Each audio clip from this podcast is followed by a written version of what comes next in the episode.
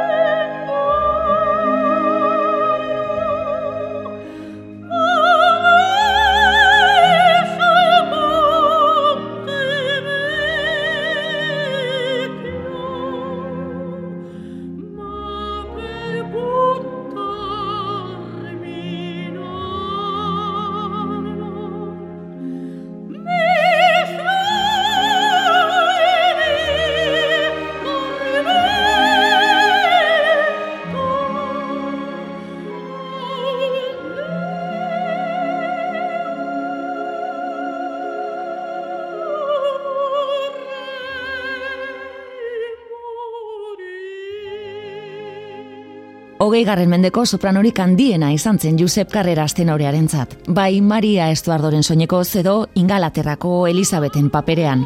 Izan ere, eunka opera bestu zituen eta eun paper baino gehiago landu. Inguratu zitzaionik izan bada, Maria Kalas izan zen karrera zen ustetan. Bere lanbidearekiko aparteko maitasuna erakutsi zuen, benetako bokazioa, lagunen lagun, pertsona gertukoa, inguruko eta azkezkatzen zena, karreraz bera, gaixoaldian zaindu zuena, eta katalan unibertsala. Jaso zituen sari guztietatik, Martzelonako Liseu antzokiaren urrezko domina zuen kutunena. Az gaitezen, Montserrat Kaballeren historiarekin.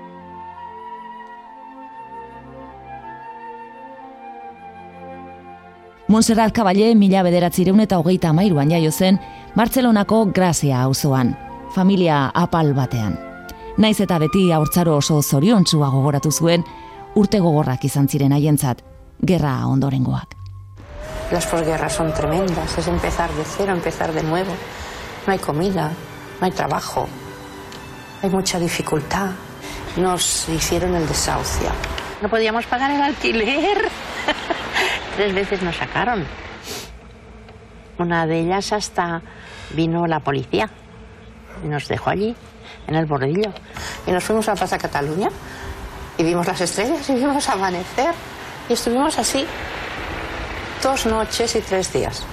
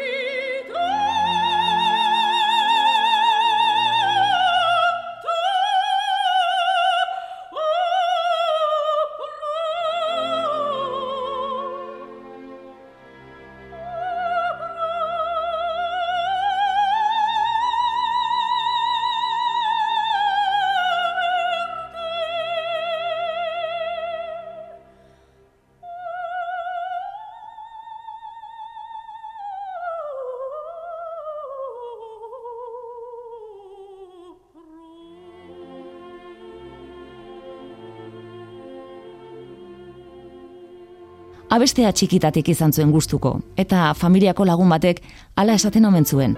Neska hau opera kantaria izango da.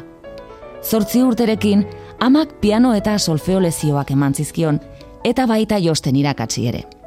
Eta handik pixka batera, Liseu antzokiaren konservatorioan kantu ikasketak hasi zituenean konturatu zen, ura zela bere bidea.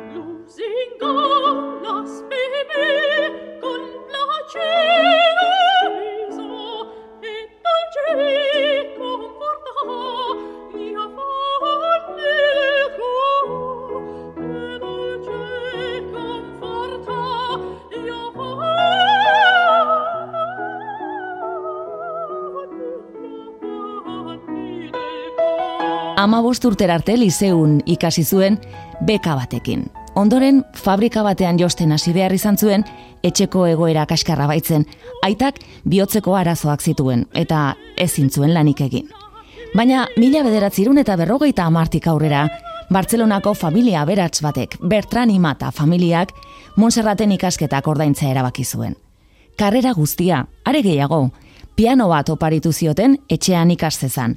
Carles anaia, eskolapioetera eraman zuten eta hori guztia gutxi balitz, aitari ark egiteko moduko lan erraz bat bilatu zioten.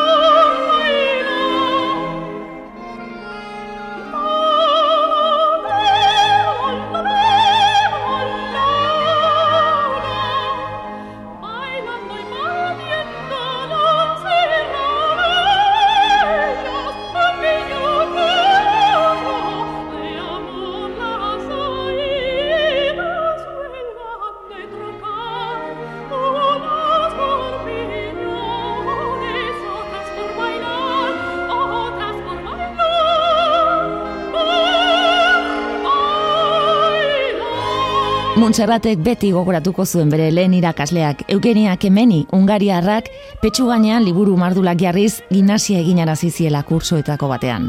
Atleta izan dakoa zenantza, gaztetan olimpiadetan parte hartutakoa, eta arnazketa lantzea omentzen bere helburu nagusietakoa. Konxita badia soprano famatuaren klasetan bestalde, komposatzaile katalanak ezagutu zituen, Monpou, Toldra eta Granados besteak beste. Y hay cosas que contesto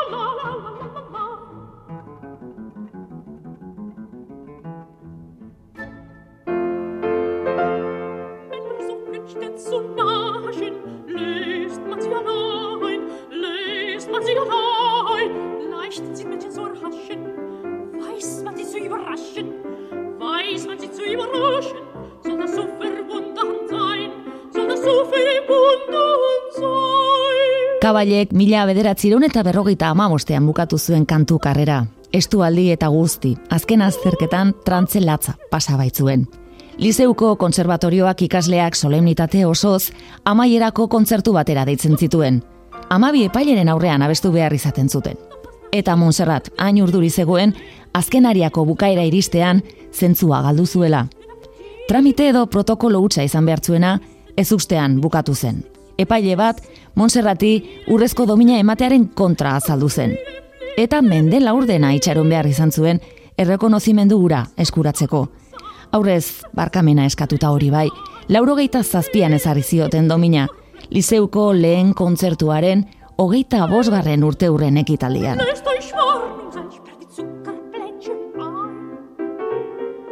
sperr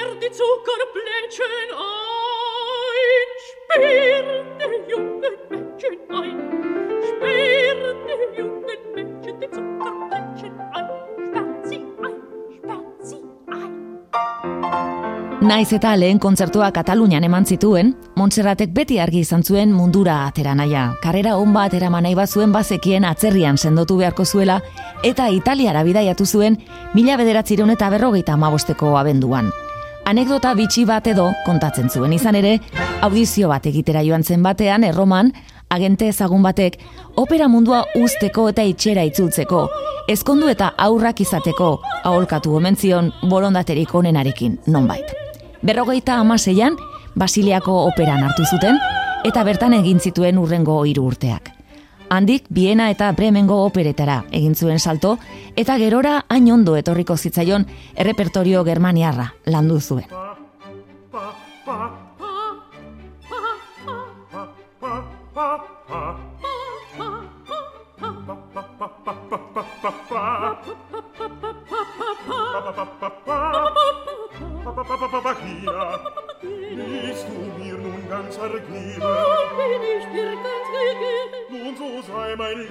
Weibchen. Nun so sei mein Herzenstäubchen, mein Herzenstäubchen, mein Herzenstäubchen. Ordurako genio bizia erakusten zuen bai taula gainean, bai estenatokitik kanpo ere. Bremenen zegoen batean Alemanian. Maria Kalasek kolonian abestu behartzuela jakin zuen eta baimena eskatu zuen ura ikustera joateko. Ez ez, zuzendariak etzion baimena eman. Eta aserre baino aserreago, tinta ontzi bat hartu eta paretera jaurti zuen. Ondoren atea istean, beira txikitu zuen emantzion indarragatik. Baina kontua da, kabalek ez zuela sekula, kalas zuzenean ikustea lortu, bere bizitza guztian.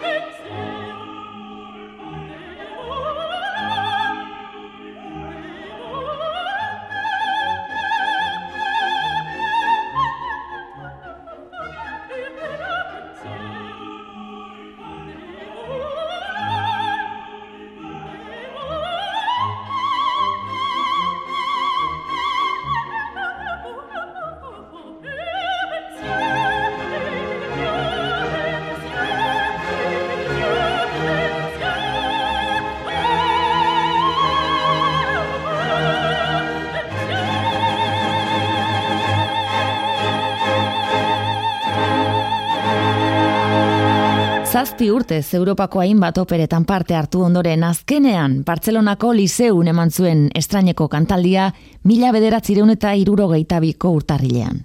Richard Straussen arabela abestu zuen.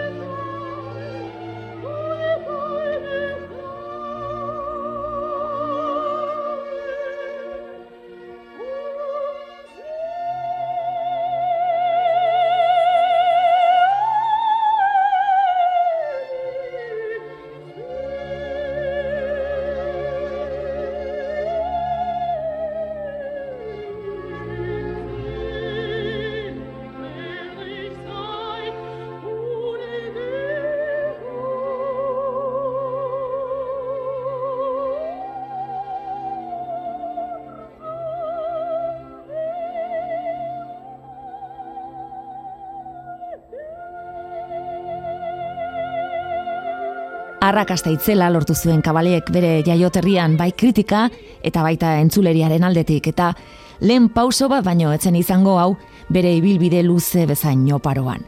Mila bederatzirun eta iruro geita biko ustalean Euskal Herrian kantatu zuen lehenengo aldiz Donostiako ama bostaldian debiziren La Demoiselle Elu.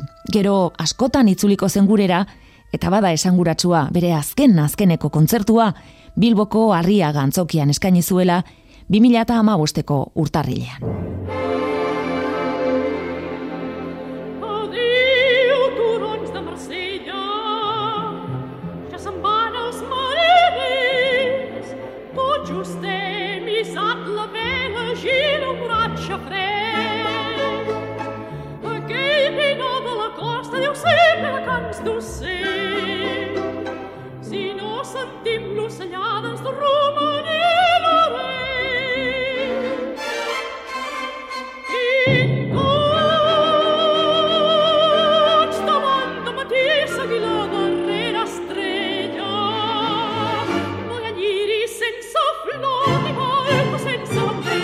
Mila bederatzireun eta irurogeita bira itzuliz, kontzertu asko emateaz gain, Carles Caballé, bere anai eta manaierrak, diskoaren munduan ezagutara ematea pentsatu zuen, eta bergara izeneko diskoetxarekin kontratu bat sinatu zuten, eta lehen grabazioa burutu zuen Monserratek azaroaren hogeita marrean.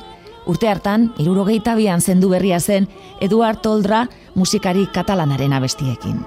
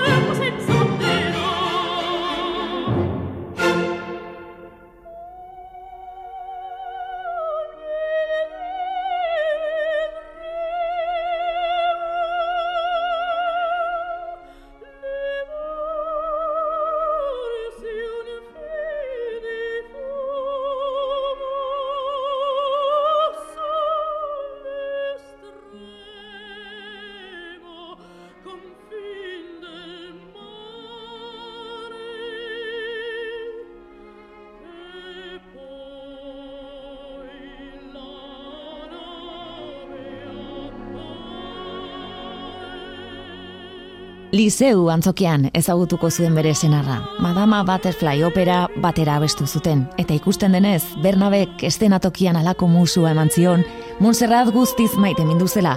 Eta mila bederatzireun eta irurogeita lauko abuztuan eskondu ziren Montserrateko monastegian.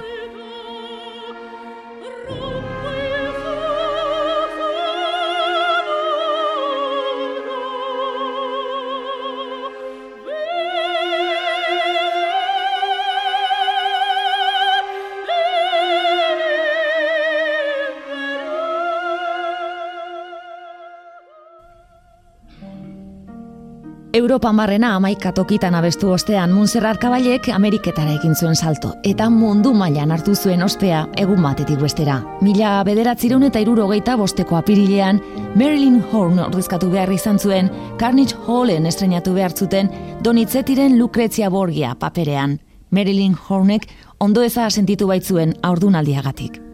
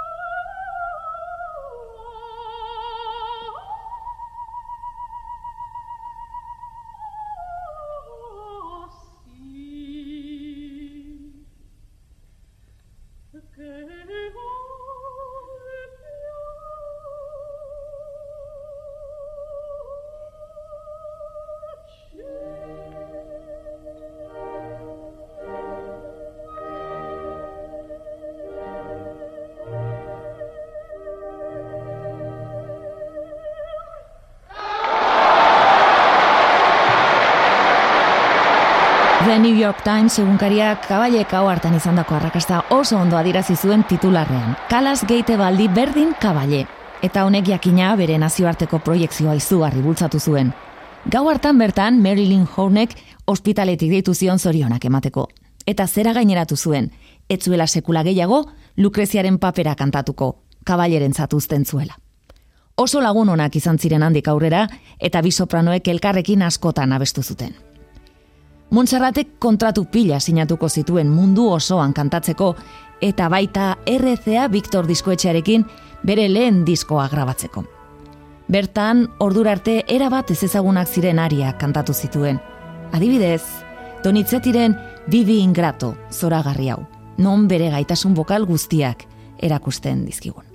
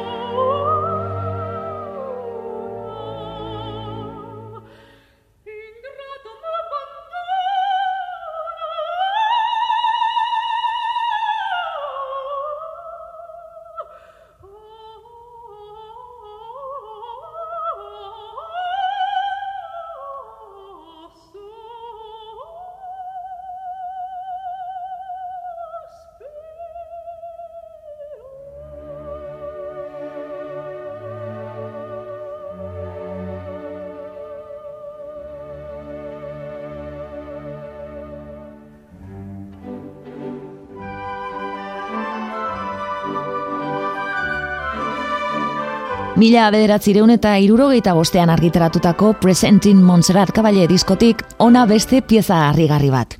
Odesia de la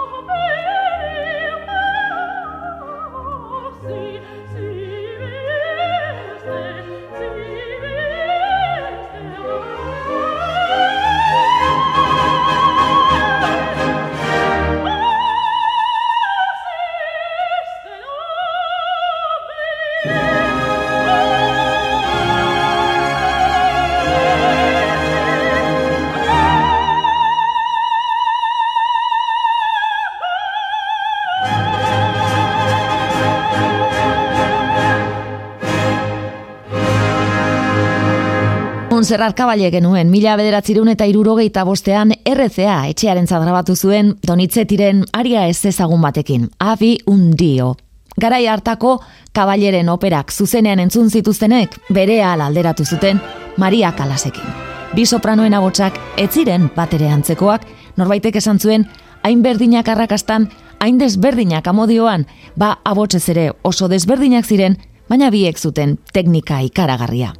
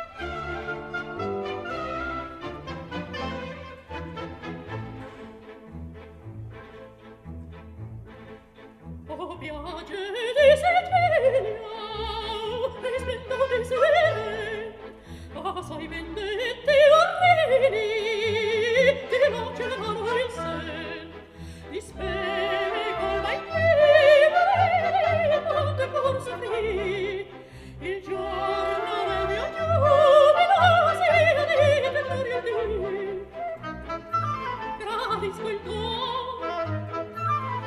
questi fior, a sé, a sé,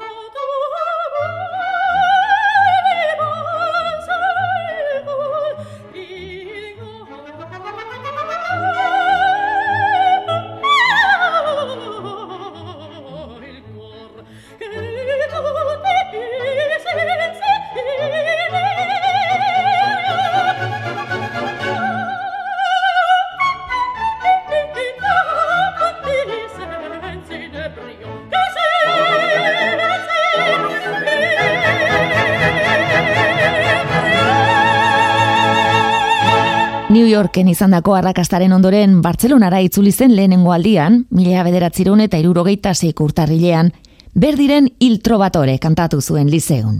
Eta alakoa izan zen publikoaren arrera, bazirudiela antzokia goiti bera eroriko zela. Batez ere, damor, zul ali aria kantatu ondoren.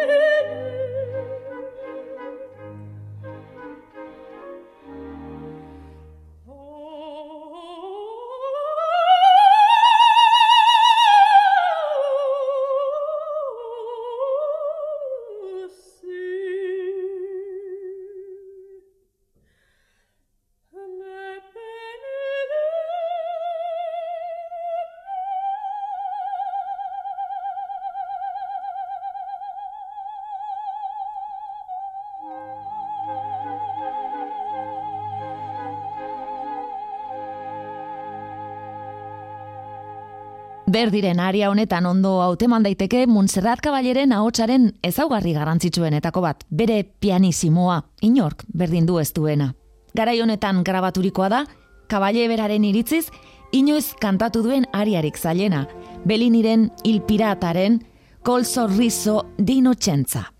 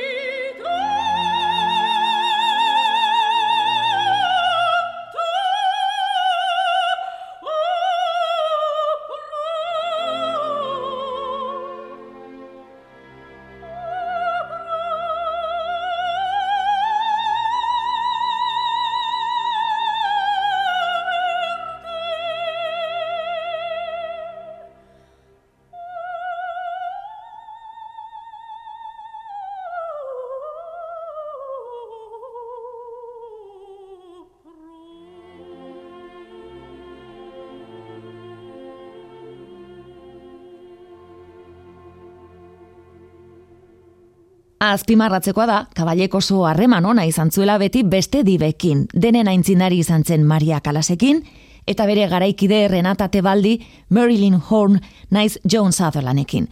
Lagunak zituen, eta Sutherlandek komendatuta bestu zuen kabalek Maria Kalasen personairik ezagunena. Vicentzo Belliniren Norma.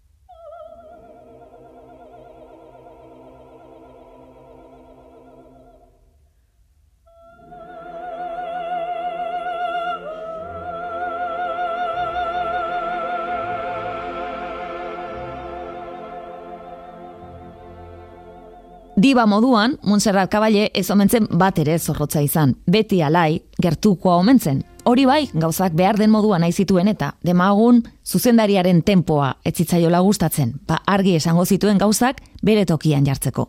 Irrist egiteko beldurrez, zorua Coca-Cola bustitzeko eskatuko zien beti estena zuzendariei.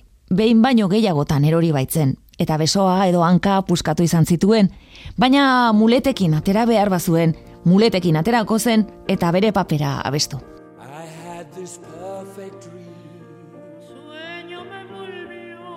This dream. Was me and you.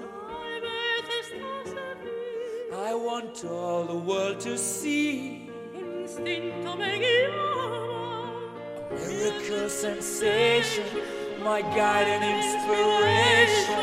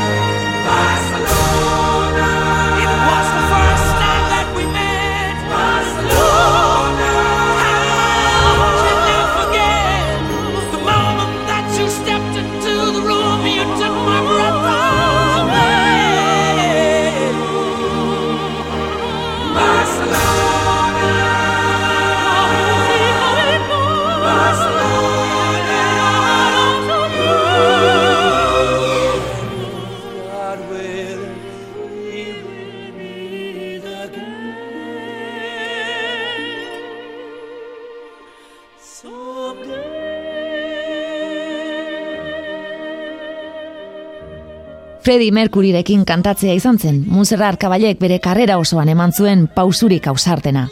Laurogeita zeian, Espainian Queenekin biran zebilela, Mercuryri galdetu omen zioten zeintzuen kantaririk gogokoena.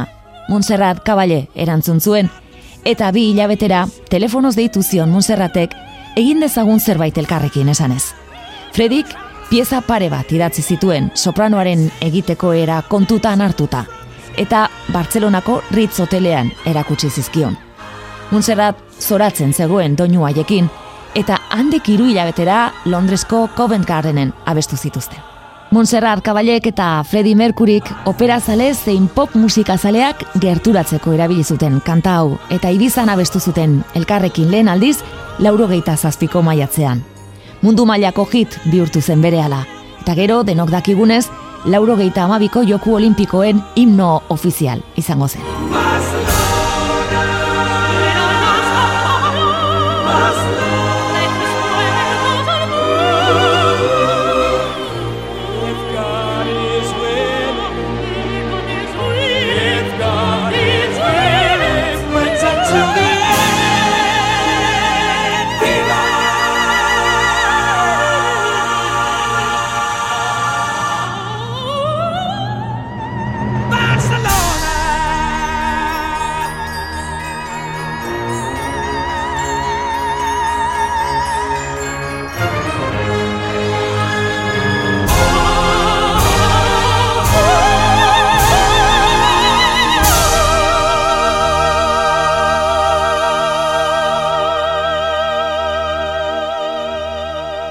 Bere bizitzaren azken urtetan osasun arazo ugari izan zituen, baita ekonomikoak ere Espainiako gasun publikoarekin. Bere azken agerraldietako bat bestalde nahiko kritikatua izan zen. Loteriaren 2013ko espota, Rafael, Marta Sánchez, Bustamante eta Nina Pastorirekin agertzen zen. Osasunez gaizki zebilen eta kabailek esfortzu handia egin behar izan zuen, baina ez zuen umorea galtzen. Eta horren erakusle, bere azken kontzertuan abestu zuen La Tarantula alaiau. Bilboko harriaga.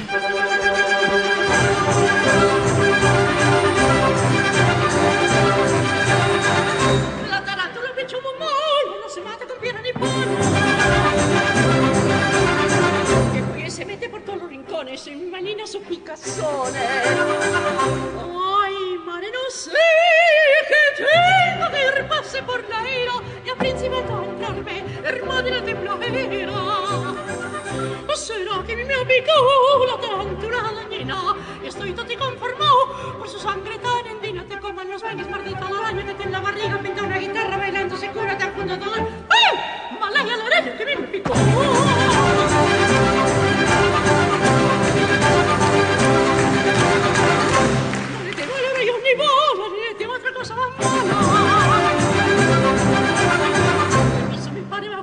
acciaio, però se mi cito lo porta un raio. Ai, mareo sto, mareo, come sta entrando lo suore che mi han dejato seca in cambio di picore. Será che mi apicò la trantrada in là e sto dico infermò per la sangre tan en dila te coman los niños marita la araña que te en la barriga pinta una guitarra bailando se cura tan junto dolor. ¡Ey! la laya de araña que me picó